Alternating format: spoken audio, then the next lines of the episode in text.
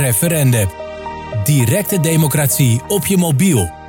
Op 20 december 2023 debatteerde de Tweede Kamer over het voorstel tot wijziging van de Opiumwet, ingediend door de ministers van Volksgezondheid en Justitie. Het doel van deze wijziging was het aanpakken van de productie en handel in nieuwe psychoactieve stoffen, ook wel bekend als designer drugs. Deze stoffen zijn niet expliciet verboden onder de huidige wetgeving, maar zouden wel een significant gezondheidsrisico vormen. De wijziging introduceert een aparte lijst met stofgroepen, afgeleid van middelen met een psychoactieve werking, om zo de ruimte voor drugscriminelen om hun activiteiten naar nog niet verboden stoffen te verleggen te beperken. De voorstanders van de wetswijziging benadrukken de noodzaak om de strijd tegen ondermijnende drugscriminaliteit te versterken. Ze wezen op de vernietigende impact van overmatig drugsgebruik op jonge mensen en de samenleving als geheel. Het generiek verbieden van nieuwe psychoactieve stoffen werd gezien als een krachtig signaal naar zowel producenten en handelaren als gebruikers. De mogelijkheid om snel nieuwe stofgroepen toe te voegen aan de lijst via ministeriële regeling werd ook als een positief punt gezien,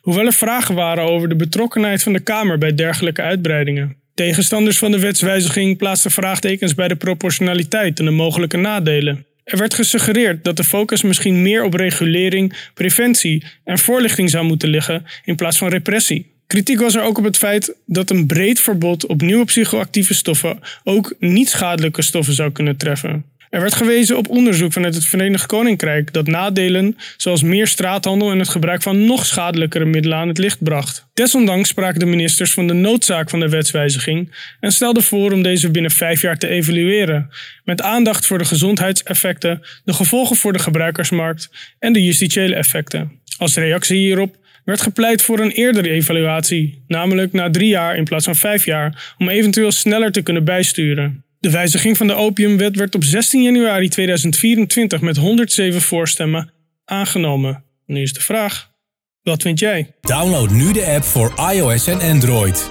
En herwin je waardigheid als burger van een soeverein Nederland. Referendum. Laat je stem gelden. Altijd.